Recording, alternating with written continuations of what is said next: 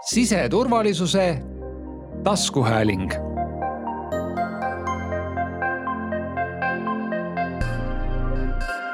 tere, te kuulate siseturvalisuse taskuhäälingu järjekordset äh, saadet.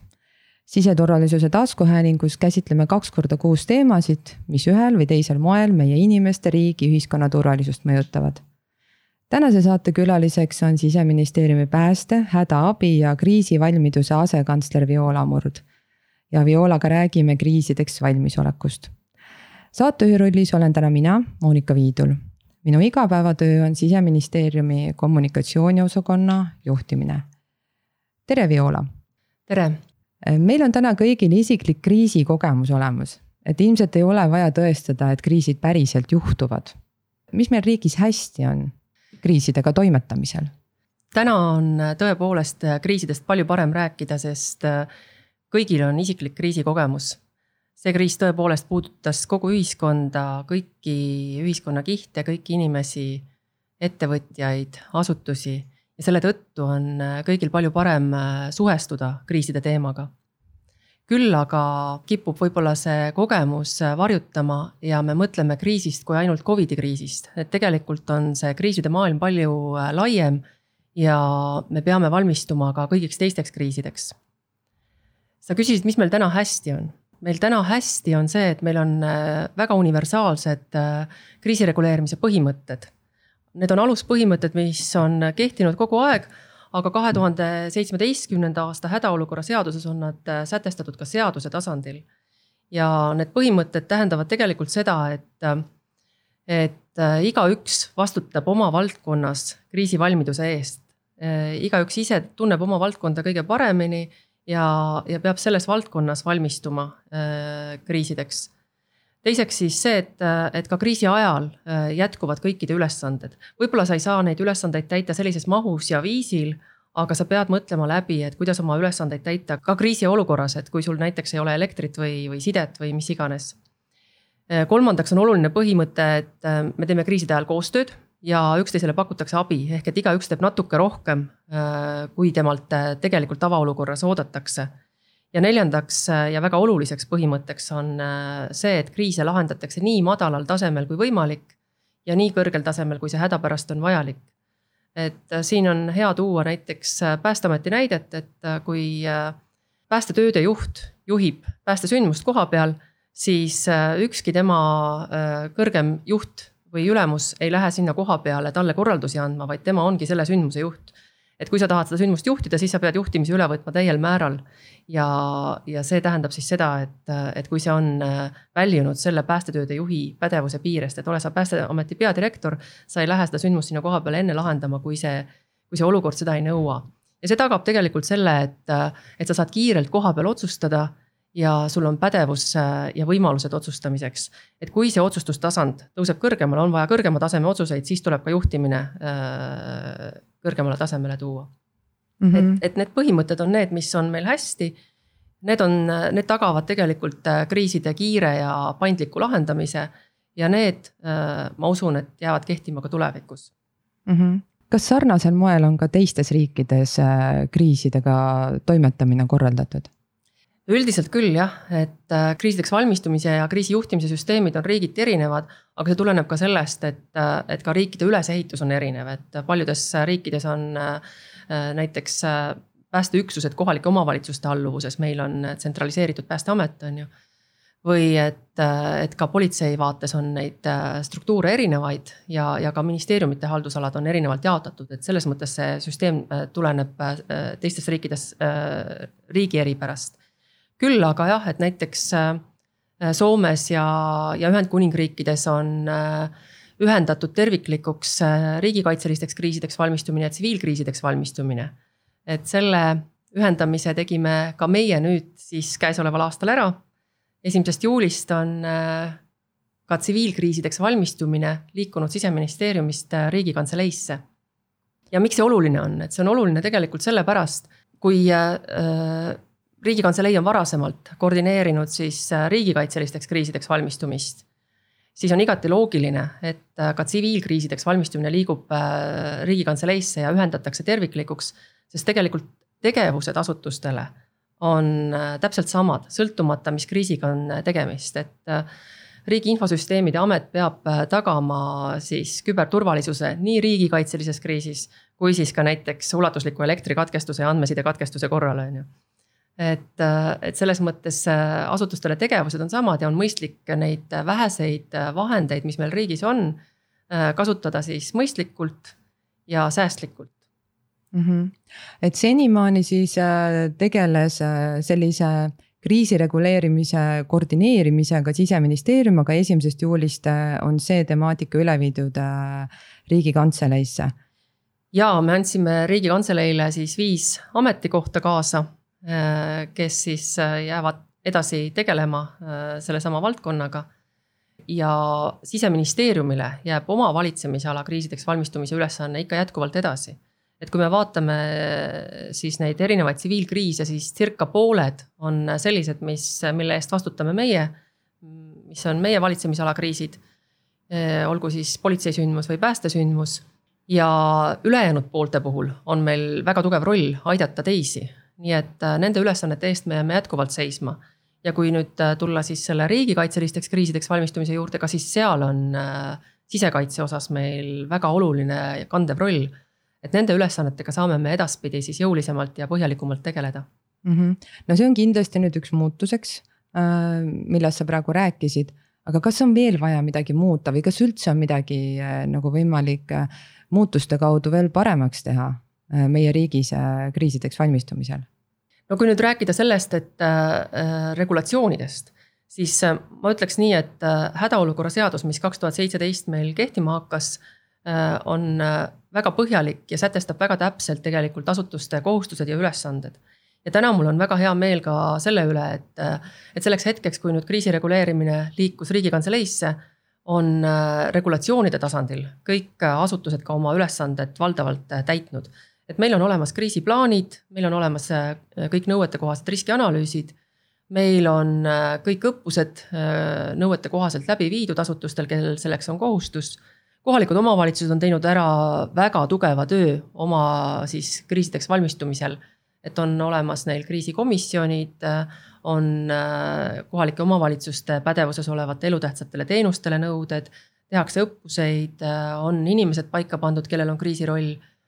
Et omavalitsusi saab ainult kiita ja mis meil veel on hästi, on siis äh, ka elutähtsad teenused. et mis puudutab siis nõudeid elutähtsatele teenustele, et elutähtsad teenused on siis need teenused, mille katkemise puhul on siis selge oht inimeste elule ja tervisele või siis ühiskonna korraldusele või siis selle teenuse katkemine põhjustab äh, katkemise teistes teenustes, näiteks kui katkeb elekter, et siis katkeb meil mingi aja pärast ka kütuse kättesaadavus, sularaha kättesaadavus, andmeside ja nii edasi ja nii edasi, et. et need on siis elutähtsad teenused, neid on täna neliteist ja tänaseks hetkeks on siis kehtestatud äh, kõikidele teenustele toimepidevusnõuded et nendest äh, toimepidevusnõuete eest siis vastutavad ka pädevad ministeeriumid, kõige rohkem on neid äh, Majandus- ja Kommunikatsiooniministeeriumil neid elutähtsaid teenuseid vastutada. Ja Majandus- ja Kommunikatsiooniministeerium on samuti teinud äh, väga hea töö, et, et kõikidel teenustel on nüüd toimepidevusnõuded olemas, see tähendab siis seda, et, et on kehtestatud periood, mille jooksul peab see teenus olema taastatud ja, ja, ja millisel viisil peab siis teenus olema tagatud inimestele et viimasena said siis äh, toimepidevusnõuded sideteenused. et me tänasest kriisist teame, kui oluline on äh, sideteenus ja kui palju me tegelikult oleme muutunud haavatavaks teenustest. Et äh, kui kümme aastat tagasi me näiteks elektrikatkestus ei põhjustanud meile võib-olla nii suuri tagajärgi, siis täna me oleme ikka väga haavatavad erinevatest teenustest. ja seda enam me peame olema valmis nende teenuste katkemiseks. aga samal ajal ka siis tagama teenuste võimaliku toimekindluse ja sellel teemal äh, on ka väga palju ära tehtud. et nõuded on olemas, aga noh, edasi äh, tuleb tegeleda sellega, et need nõuded päriselus ka päriselt toimiksid mm. -hmm. kas äh, kas selle muutuse raames, mis toimus riigikantseleile nüüd uute kohustuste ja, ja võimaluste üleandmisega seoses, kas selle muutuse raames on ka mingisugust seadusloome muutust tulekul? ja et üks igati mõistlik ettevõtmine on praegu käsil. et sellest on ka varasemalt pikemalt räägitud, et meie kriisireguleerimise maailm on võib-olla liiga killustatud. Ja täna on siis Riigikantselei eestvedamisel algatatud valmisoleku seaduse siis loomine. ja see tähendab seda, et üheks tervikuks ühendataksegi riigikaitseseadus ja hädaolukorra seadus ja sinna vahele jääb veel erakorralise seisukorra seadus, aga see on võib-olla siin kontekstis praegu liigne detail. et põhimõtteliselt selle valmisoleku seadusega ühendataksegi terviklikuks öö, kriisideks valmistumine riigis, olgu selleks kriisiks siis riigikaitseline kriis või siis tsiviilkriis äh,. Ükski asi muidugi ei sünni lihtsalt heast tahtest, et missugused ressursid meil olemas on või, või millega me saame üldse arvestada kriisideks valmistumisel? no nüüd sa, Monika, puudutasid küll ühte väga valusat teemat et äh, kriisideks valmistumine ongi olnud alati vaeslapse osas. ja seda äh, mitmel põhjusel, et ühest küljest siis äh, on väga inimlik mõelda, et, et äkki ei juhtu. Ja ka noh, üksikisiku tasandil me ei taha väga endale mingisuguseid varusid soetada, sest ikka sellised igapäevaelu vajadused söövad selle raha ära. aga et riigieelarve mõistes, et kriisideks valmistumisel Äh, meil on, äh, noh näiteks ma toon kaks tuhat üheksateist aasta, kus siis kõikidelt valitsemisaladelt kokku äh, lisaeelarve taotlusi selleks, et olla paremini kriisideks valmis neljaks aastaks oli saja miljoni eest circa. Nendest rahastust ei leidnud mitte ükski.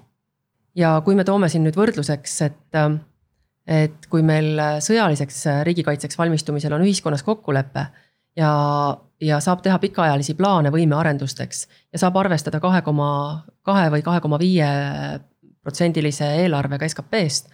siis kriisideks, tsiviilkriisideks valmistumisel me sellise võimalusega arvestada ei saa. ja tegelikult tsiviilkriisideks valmistumine toimub äh nii, et, et kuidas asutus siis neid prioriteete seab, aga nagu me teame, et noh, ma võin tuua näite siis äh, päästevaldkonnast, et kui sul on ikkagi napib varustust igapäevasteks õnnetusteks reageerimisel. kui sa, sa ei saa saata päästjaid äh, tulle ilma kinnaste või, või saabasteta, siis, äh, siis kriisideks valmistumiseks sealt väga palju võimalusi ei jää. või kui sa pead tagama palgaraha selleks, et üldse oleks päästjaid või politseinikke. Ja, ja selle tõttu pidevalt need igapäevavajadused söövad selle eelarve ära ja kriisideks valmistumiseks äh, seda raha äh, ei, pidevalt ei jätku et noh, circa kakskümmend viis miljonit oleks aastas tegelikult seda, mis, mis oleks võimalik kohe nagu ära sisustada vajadustega. ma ei arva, et see peaks tulema siis äh, sõjalise riigikaitse arvelt, kindlasti mitte. et sõjaline riigikaitse on väga oluline ja, ja see kokkulepe on meid väga palju edasi aidanud. Aga selle kõrval on järjest-järjest olulisem see mittesõjaline osa, mis peab täpselt samamoodi olema kaetud jätkusuutliku rahastusega ja, ja selle tõttu on minu ootus küll, et et lisaks sellele, et ma enne ütlesin, et meil tuleb nüüd ühtne valmisoleku seadus, siis täna meil on riigikaitse arengukava. meil peaks olema ühtne äh, kriisivalmiduse ja riigikaitse arengukava. et riigikaitse arengukavas on ka mittesõjaline osa, aga see mittesõjaline osa on äh, väga napp. et kui sõjaliseks osaks on äh, circa kuussada miljonit ja peale, siis mittesõjaliseks osaks on seal olnud null koma kuus miljonit. et noh et see vahe on mitme-mitmekordne, mis näitab seda, et me ei saa teha pikaajalisi äh, investeeringuid ja see võimearendused kriisideks valmistumisel ei ole jätkusuutlik. nüüd, mis veel kriisideks valmisoleku rahastamisel oluline on. Et me ei saa lubada sellist süsteemi, kus meil tegelikult enamus võimearendusi tehakse kriisi ajal või kriisi pinnal, et me nägime seda ka selles kriisis kus kriisi ajal hakati siis isikukaitsevahendeid varuma kui varasemalt äh, kaks tuhat viisteist äh, valitsuse tasandi Conex õppus tõi välja siis selle, et et meil on äh, kriis, ütleme siis meditsiinivarud liiga napid, siis rahastust selleks ei leitud. Ja kriisi ajal neid varusid looma hakates, esiteks on see mitmeid kordi kallim, noh näiteks maski hind läks kümnekordseks. teiseks, see ei pruugigi üldse õnnestuda, sest tarneahela häired on Äh, mis tähendabki seda, et kriisideks valmistuda on mõistlikum, odavam äh, enne kriisi ja selleks tuleb tagada jätkusuutlik püsiv rahastus. et olgu selleks siis mingi protsent SKP-st või olgu selleks siis mingi kokkulepitud äh, kriisirahastu. Aga, aga selleks, et jätkusuutlikult kriisideks valmistuda ja meil oleks võimalik ka siis prioriseerida neid vajadusi, et, et iga asutus täna on seisnud oma vajaduste eest aga kui valitsus teeb otsuseid, siis on vaja neid äh, võimearendusi priorisee-, prioriseerida, et on selleks siis äh, esimeses järjekorras haiglate toimepidevus või, äh, või mõni teine võimearendus. et, et seal tuleb teha otsuseid ja selle tõttu oleks vaja need vajadused kõik ühte kohta koondada, kriisivalmiduse vajadused. ja see on ka üks põhjus, miks ma loodan, et riigikantseleisse liikumisel Äh, on paremad võimalused tagada see äh, püsiv jätkusuutlik kriisirahastus, sest on võimalik äh, valitsuse liikmeteni terviklikult viia neid kriisideks valmistumise vajadusi. tagada valitsuse liikmete parem valmisolek ja teadlikkus, milline on meie riigi võimekus ja millised on suurimad võimelüngad. Ja võtta siis vastu teadlikke otsuseid või siis aktsepti-, aktsepteeri-, aktsepteeritud riske. see on üks väga oluline koht, et, et niikaua, kui meil ei ole tagatud selline püsiv kriisideks valmistumise rahastu, kus on võimalik terviklikult äh, vaadata kõiki võimelünki ja arendusvajadusi. niikaua meil väga suurt arenguhüpet siin loota ei ole. kui me mõtleme reaalsete äh, juhtimisolukordade peale, kirjelda, mismoodi käib kriisi juhtimine? Kriisi juhtimine hakkab peale sealt, et äh, kus valdkonnas see kriis juhtub. kes selle, selle teema eest vastutab, noh, kõige lihtsam on minul rääkida päästesündmusest, on ju et, et me kunagi ei tea, millisest sündmusest võib areneda edasi kriis. ja sel hetkel, kui see sündmus juhtub, on esimesed väljakutsed, siis äh, sealt hakkabki juba kriisi juhtimine peale, sest iga sündmus võib areneda potentsiaalseks kriisiks, et väga hästi ilmestab see tegelikult äh, seda, et äh, millises keskkonnas meie siseministeeriumi valitsemisala igapäevaselt toimetame. et kõik need väljakutsed, mida me iga päev saame, sa kunagi ei tea, et seal sündmuspaigal võib see areneda kriisiks ja noh, ma võin siin näite tuua näiteks äh, siis kaks tuhat kümme toimunud äh, lumetorm Padaorus, kus siis äh, häirekeskus sai mitmeid väljakutseid üle Eesti, kus autod olid lumme kinni jäänud. selle kõrval oli veel mitmeid väljakutseid, kus näiteks kiirabi ei pääsenud inimeste juurde, näiteks südamehaige juurde, kus oli väga kiiresti vaja reageerida, pääste läks appi kiirabile. ja nüüd selle virvarri sees aru saada, et need mõned autod, kes seal Padaorus olid kinni jäänud, et nendest võib kujuneda mingisugune kriis siis äh, see ongi kõige olulisem koht, et äh, tegelikkuses on äh, kõige olulisem see koht, et kuidas ära tunda, et tegemist on kriisiga. Ja see on see koht, kus tegelikult väga tihti me jääme hiljaks, sest selles keskkonnas on väga keeruline ära tunda, et just nüüd on tegemist kriisiga. ja hinnata seda olukorda adekvaatselt ja mõelda siis ette, et, et mis sellest edasi võib juhtuda ja nüüd sealt edasi siis kriisijuhtimise süsteem sealt edasi arenebki, et, et kui see sündmus väljub äh, ühe asutuse tava äh, toimimise, toimimise äh, piiridest on vaja siis teistsuguseid, äh, teistsugust toimetamist ja on vaja partnerite abi olulisel määral, siis see määrabki ära, et tegemist on kriisiga.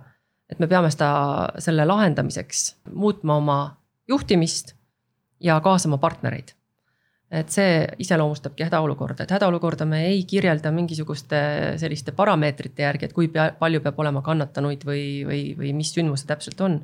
aga, aga asutuse võimekuse järgi, et, et kui sa pead muutma oma tavapärast toimimist ja sa pead kaasama partnereid, et siis sa pead püsti panema oma äh, kriisijuhtimissüsteemi.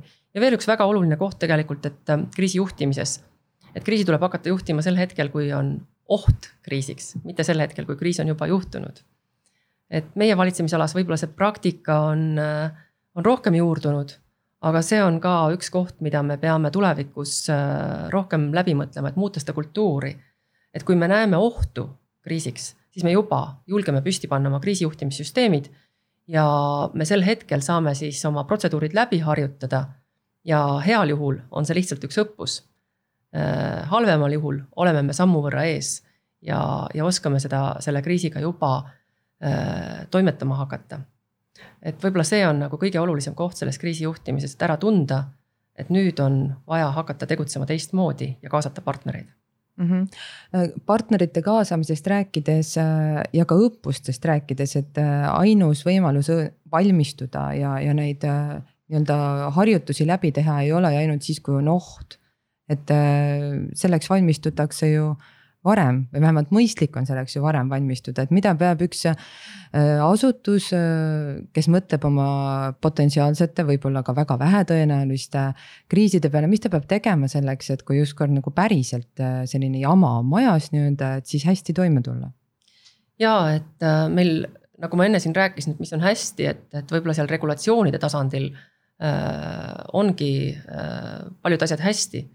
saab alati ka paremini, aga mida kindlasti tasuks nagu tuleviku äh, vaates äh, võtta kaasa, on see, et, et äh, et ega ükski regulatsioon ega ükski paberile kirjutatud plaan tegelikult äh, kriisi ei lahenda, et kriisi lahendavad ikka inimesed. ja inimesed lahendavad seda kriisi nii hästi, kui äh,, kui nad on selleks harjutanud. ja selle tõttu ongi väga oluline õppusi läbi viia ja koos harjutada. täna seda on ka tehtud nõuetekohased õppused on alati ka läbi viidud mida me võime näha, et, et tegelikult see kriisideks valmistumine on olnud sellise väga kitsa ringi teema aga tegelikkuses kaasata tasuks oluliselt laiemat ringi. kõikidel asutustel on kriitilise tähtsusega ülesanded, mis, mis tuleks nagu läbi harjutada ja inimestele need kriisirollid määrata. ja, ja loomulikult me peaksime enam kaasama ka elanikkonda. et elanikkond saaks ka õppustel osaleda ja valmistuda ja, ja läbi mõelda. et õppuste üks hea pool on ka see, et et see võimaldab meil aru saada üksteise kriisijuhtimissüsteemist ja nüüd, kui üks kriis areneb teise valdkonna kriisiks siis on võimalik äh, kiirelt ja paindlikult äh, kas siis juhtimist üle võtta või siis koostööd teha.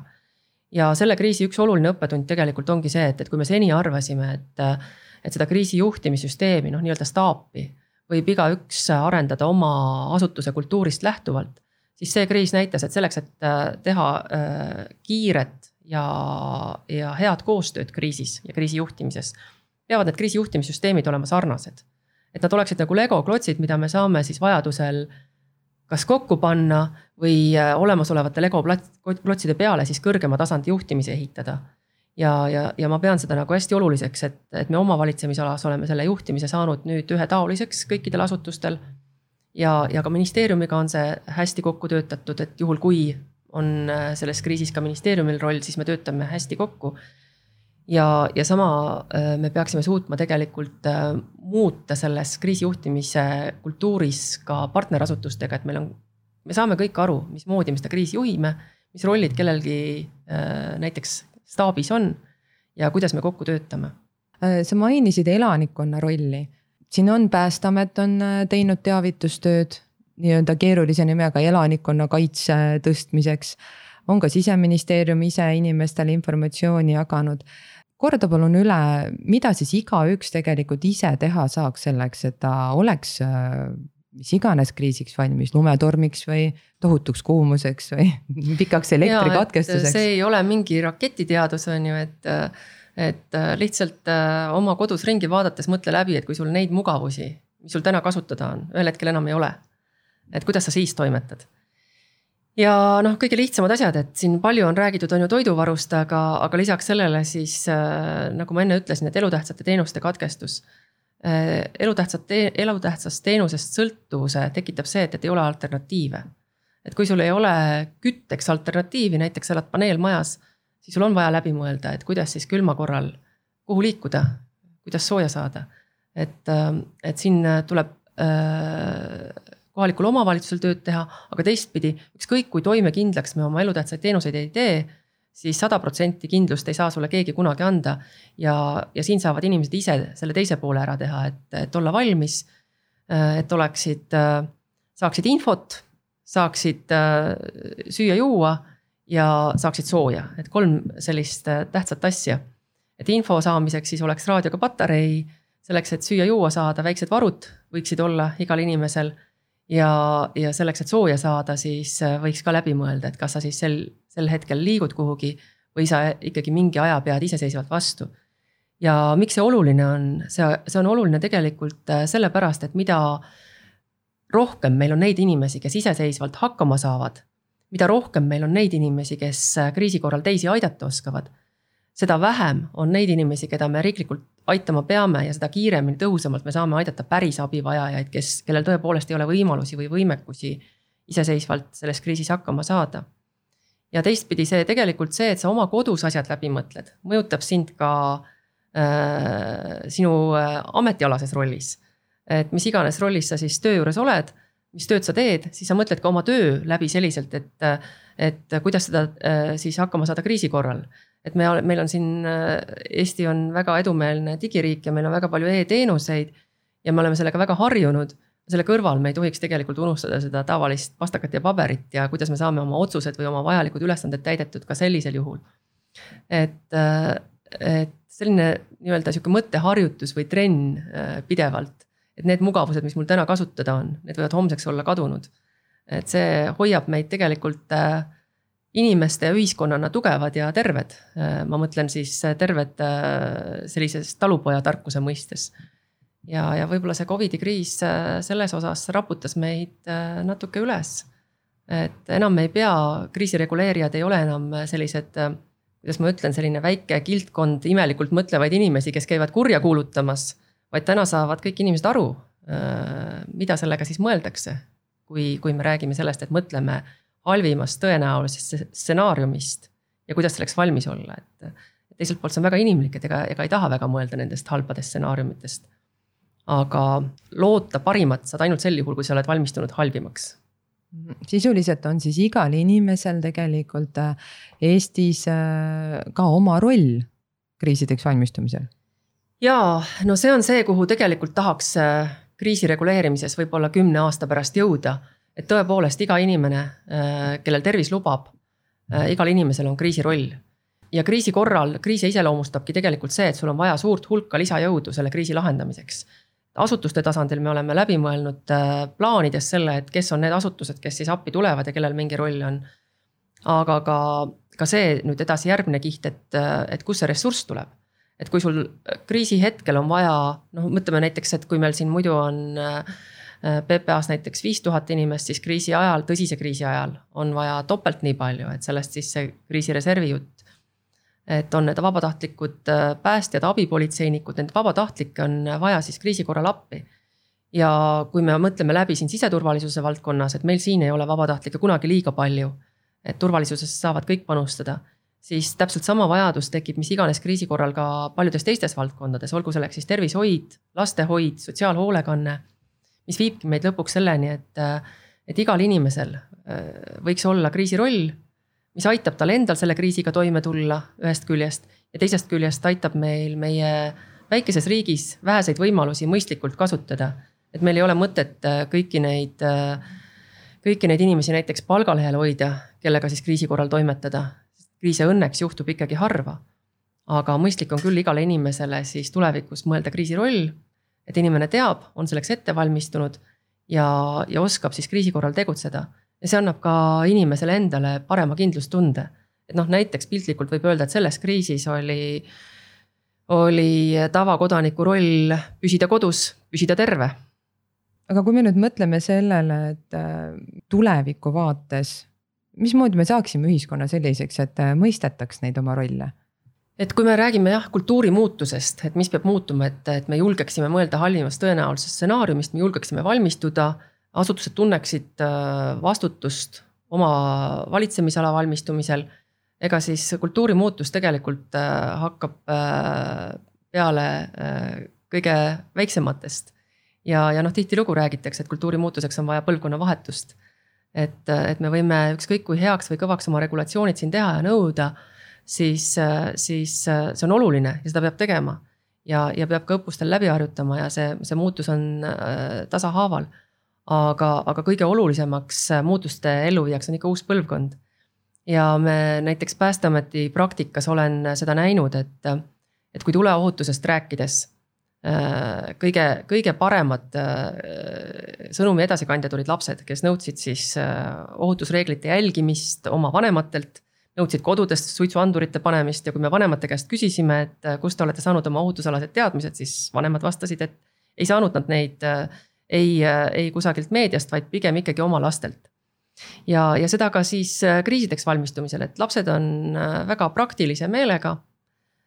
Neil ei ole, me ei pea kartma sellist paanika külvamist, vaid kui rahulikult ja praktiliselt rääkida, kuidas ja milleks olla valmis, siis siis mina usun, et meil lumehelbekeste asemel kasvab selline rahepõlvkond, kes tunnevad ennast enesekindlana, äh, oskavad käituda ja, ja, ja oskavad aidata ka teisi. et jah, et, et see elanikkonna teadlikkus äh, võimalikest kriisidest ja käitumisest peab jõudma ka kooliharidusse. ja, ja me peame rohkem kaasama siis äh, õppustesse elanikkonda ja, ja vabatahtlikuna tegutsemisse ka siis elanikkonda, et sealt see muutus peale hakkab. Oskad sa ka juba öelda, et kuidas ta sinna kooliharidusse võiks jõuda? praegu meil on tegelikult Päästeamet võtnud siis selle kandva rolli elanikkonna harimisel ja, ja Päästeametil on siis erinevad tegevused selleks, et siis ka elanike kriisiteadlikkust tõsta.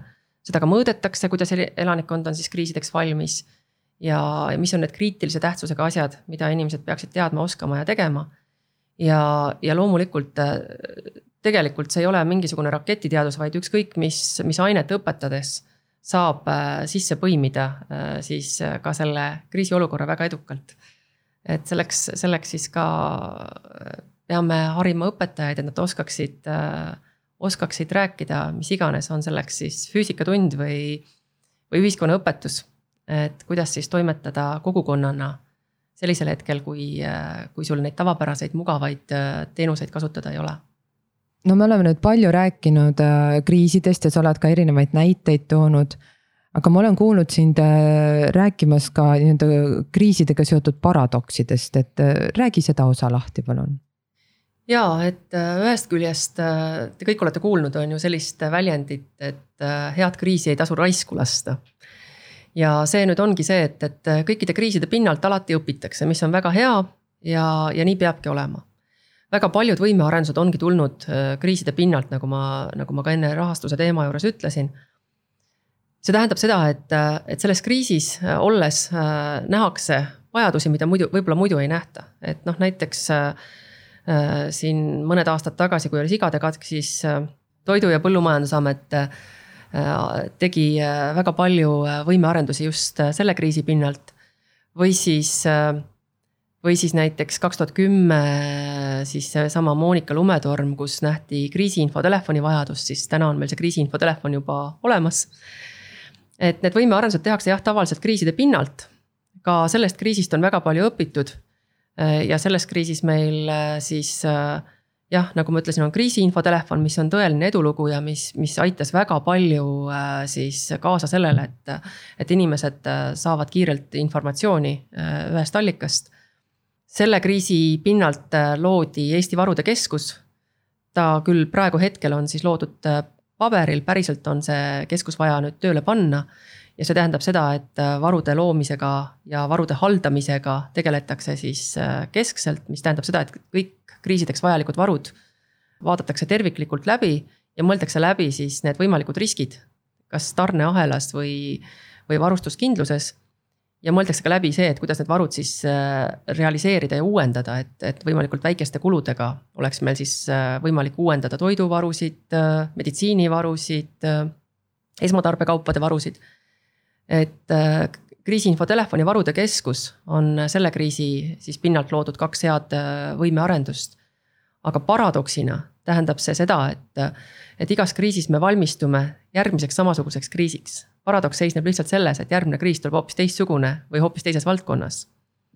ja, ja selle tõttu need äh, õppetunnid, mis õpiti eelmises kriisis, võivad, aga ei pruugi aidata järgmises kriisis ehk et, et see tähendab ikkagi jätkuvalt seda, et, et me peame julgema mõelda halvimast tõenäolisest stsenaariumist äh, erinevates valdkondades. ja, ja siis koondama selle pildi üheks terviklikuks riskipildiks, mida ongi siis võimalik nüüd teha Riigikantselei juures.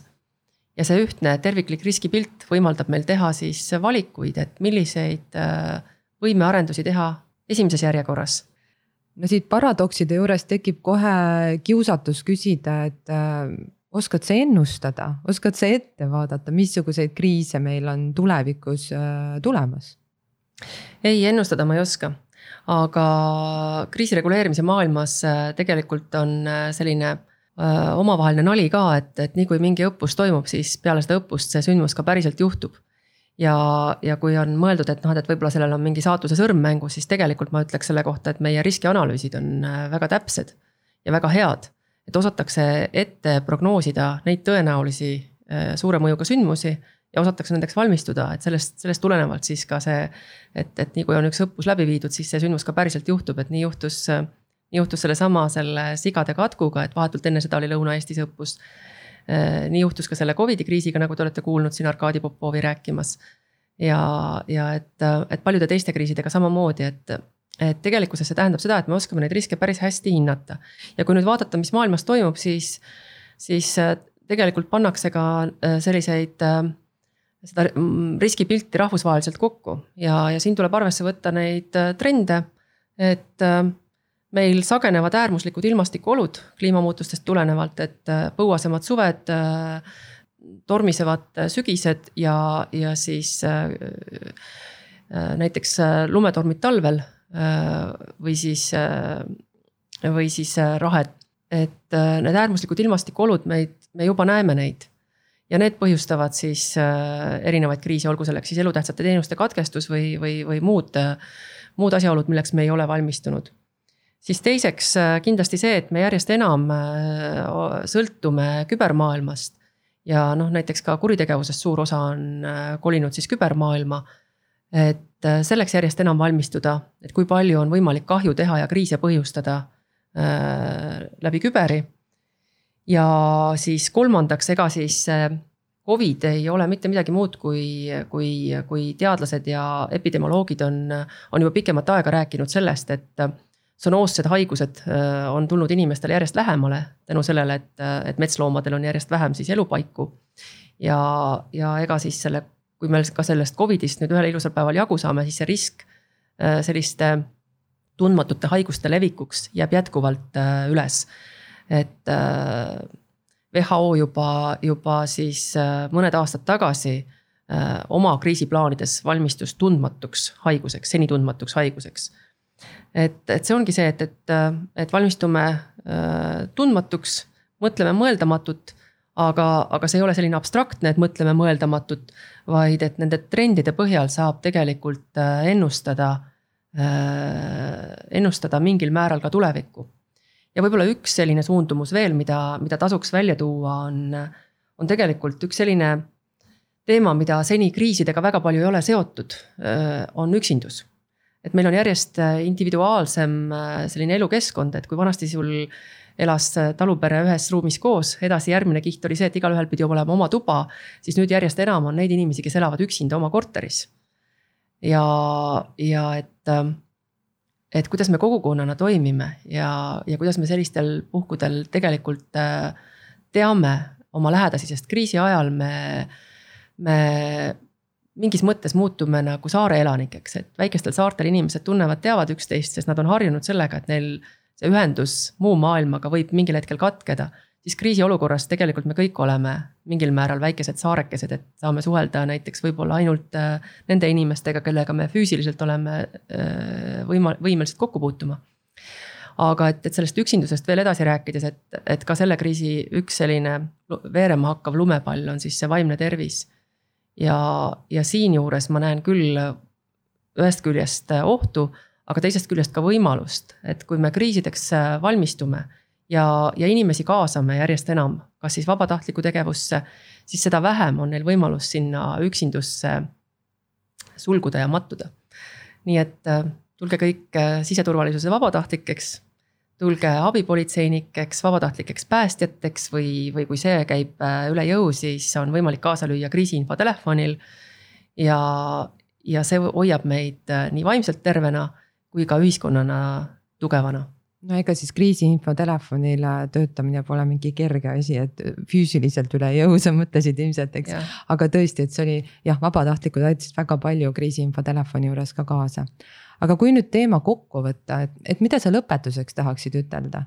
me oleme nii paljudest erinevatest asjadest rääkinud, kuidas sa nüüd äh, selle niimoodi kiiresti kokkuvõtvalt ära vormistaksid? Ma ütleks nii, et, et me, äh, meil on asju, mille üle me saame täna uhked olla, mis on hästi tehtud äh, kriisideks valmistumisel. kindlasti saab uhke olla tegelikult Eesti inimeste üle, et äh, erinevates kriisides me alati näeme seda, et see tahe aidata on äh, väga suur. ja meie väljakutse on, kuidas kogu see vaba tahe siis mõistlikult ja, ja eesmärgipäraselt rakendada. Aga meil on ka minna väga suur äh, tee, et me peame siis valmistuma terviklikult, nii mitte killustunult me peame tagama püsiva jätkusuutliku rahastuse. me peame edaspidi enam läbi viima õppusi ja kaasama laiemalt ühiskonda ettevõtjaid, eraisikuid, inimesi. ja, ja me peame julgema mõelda halimast tõenäolisest stsenaariumist. et olla paremini valmis ja, ja saada hakkama ja loota parimat suur aitäh sulle, Viola, selle huvitava vestluse eest. suur aitäh kuulajatele, äh, kes meiega vastu pidasid ja saate lõpuni kuulasid. järgmiste kordadeni. siseturvalisuse taskuhääling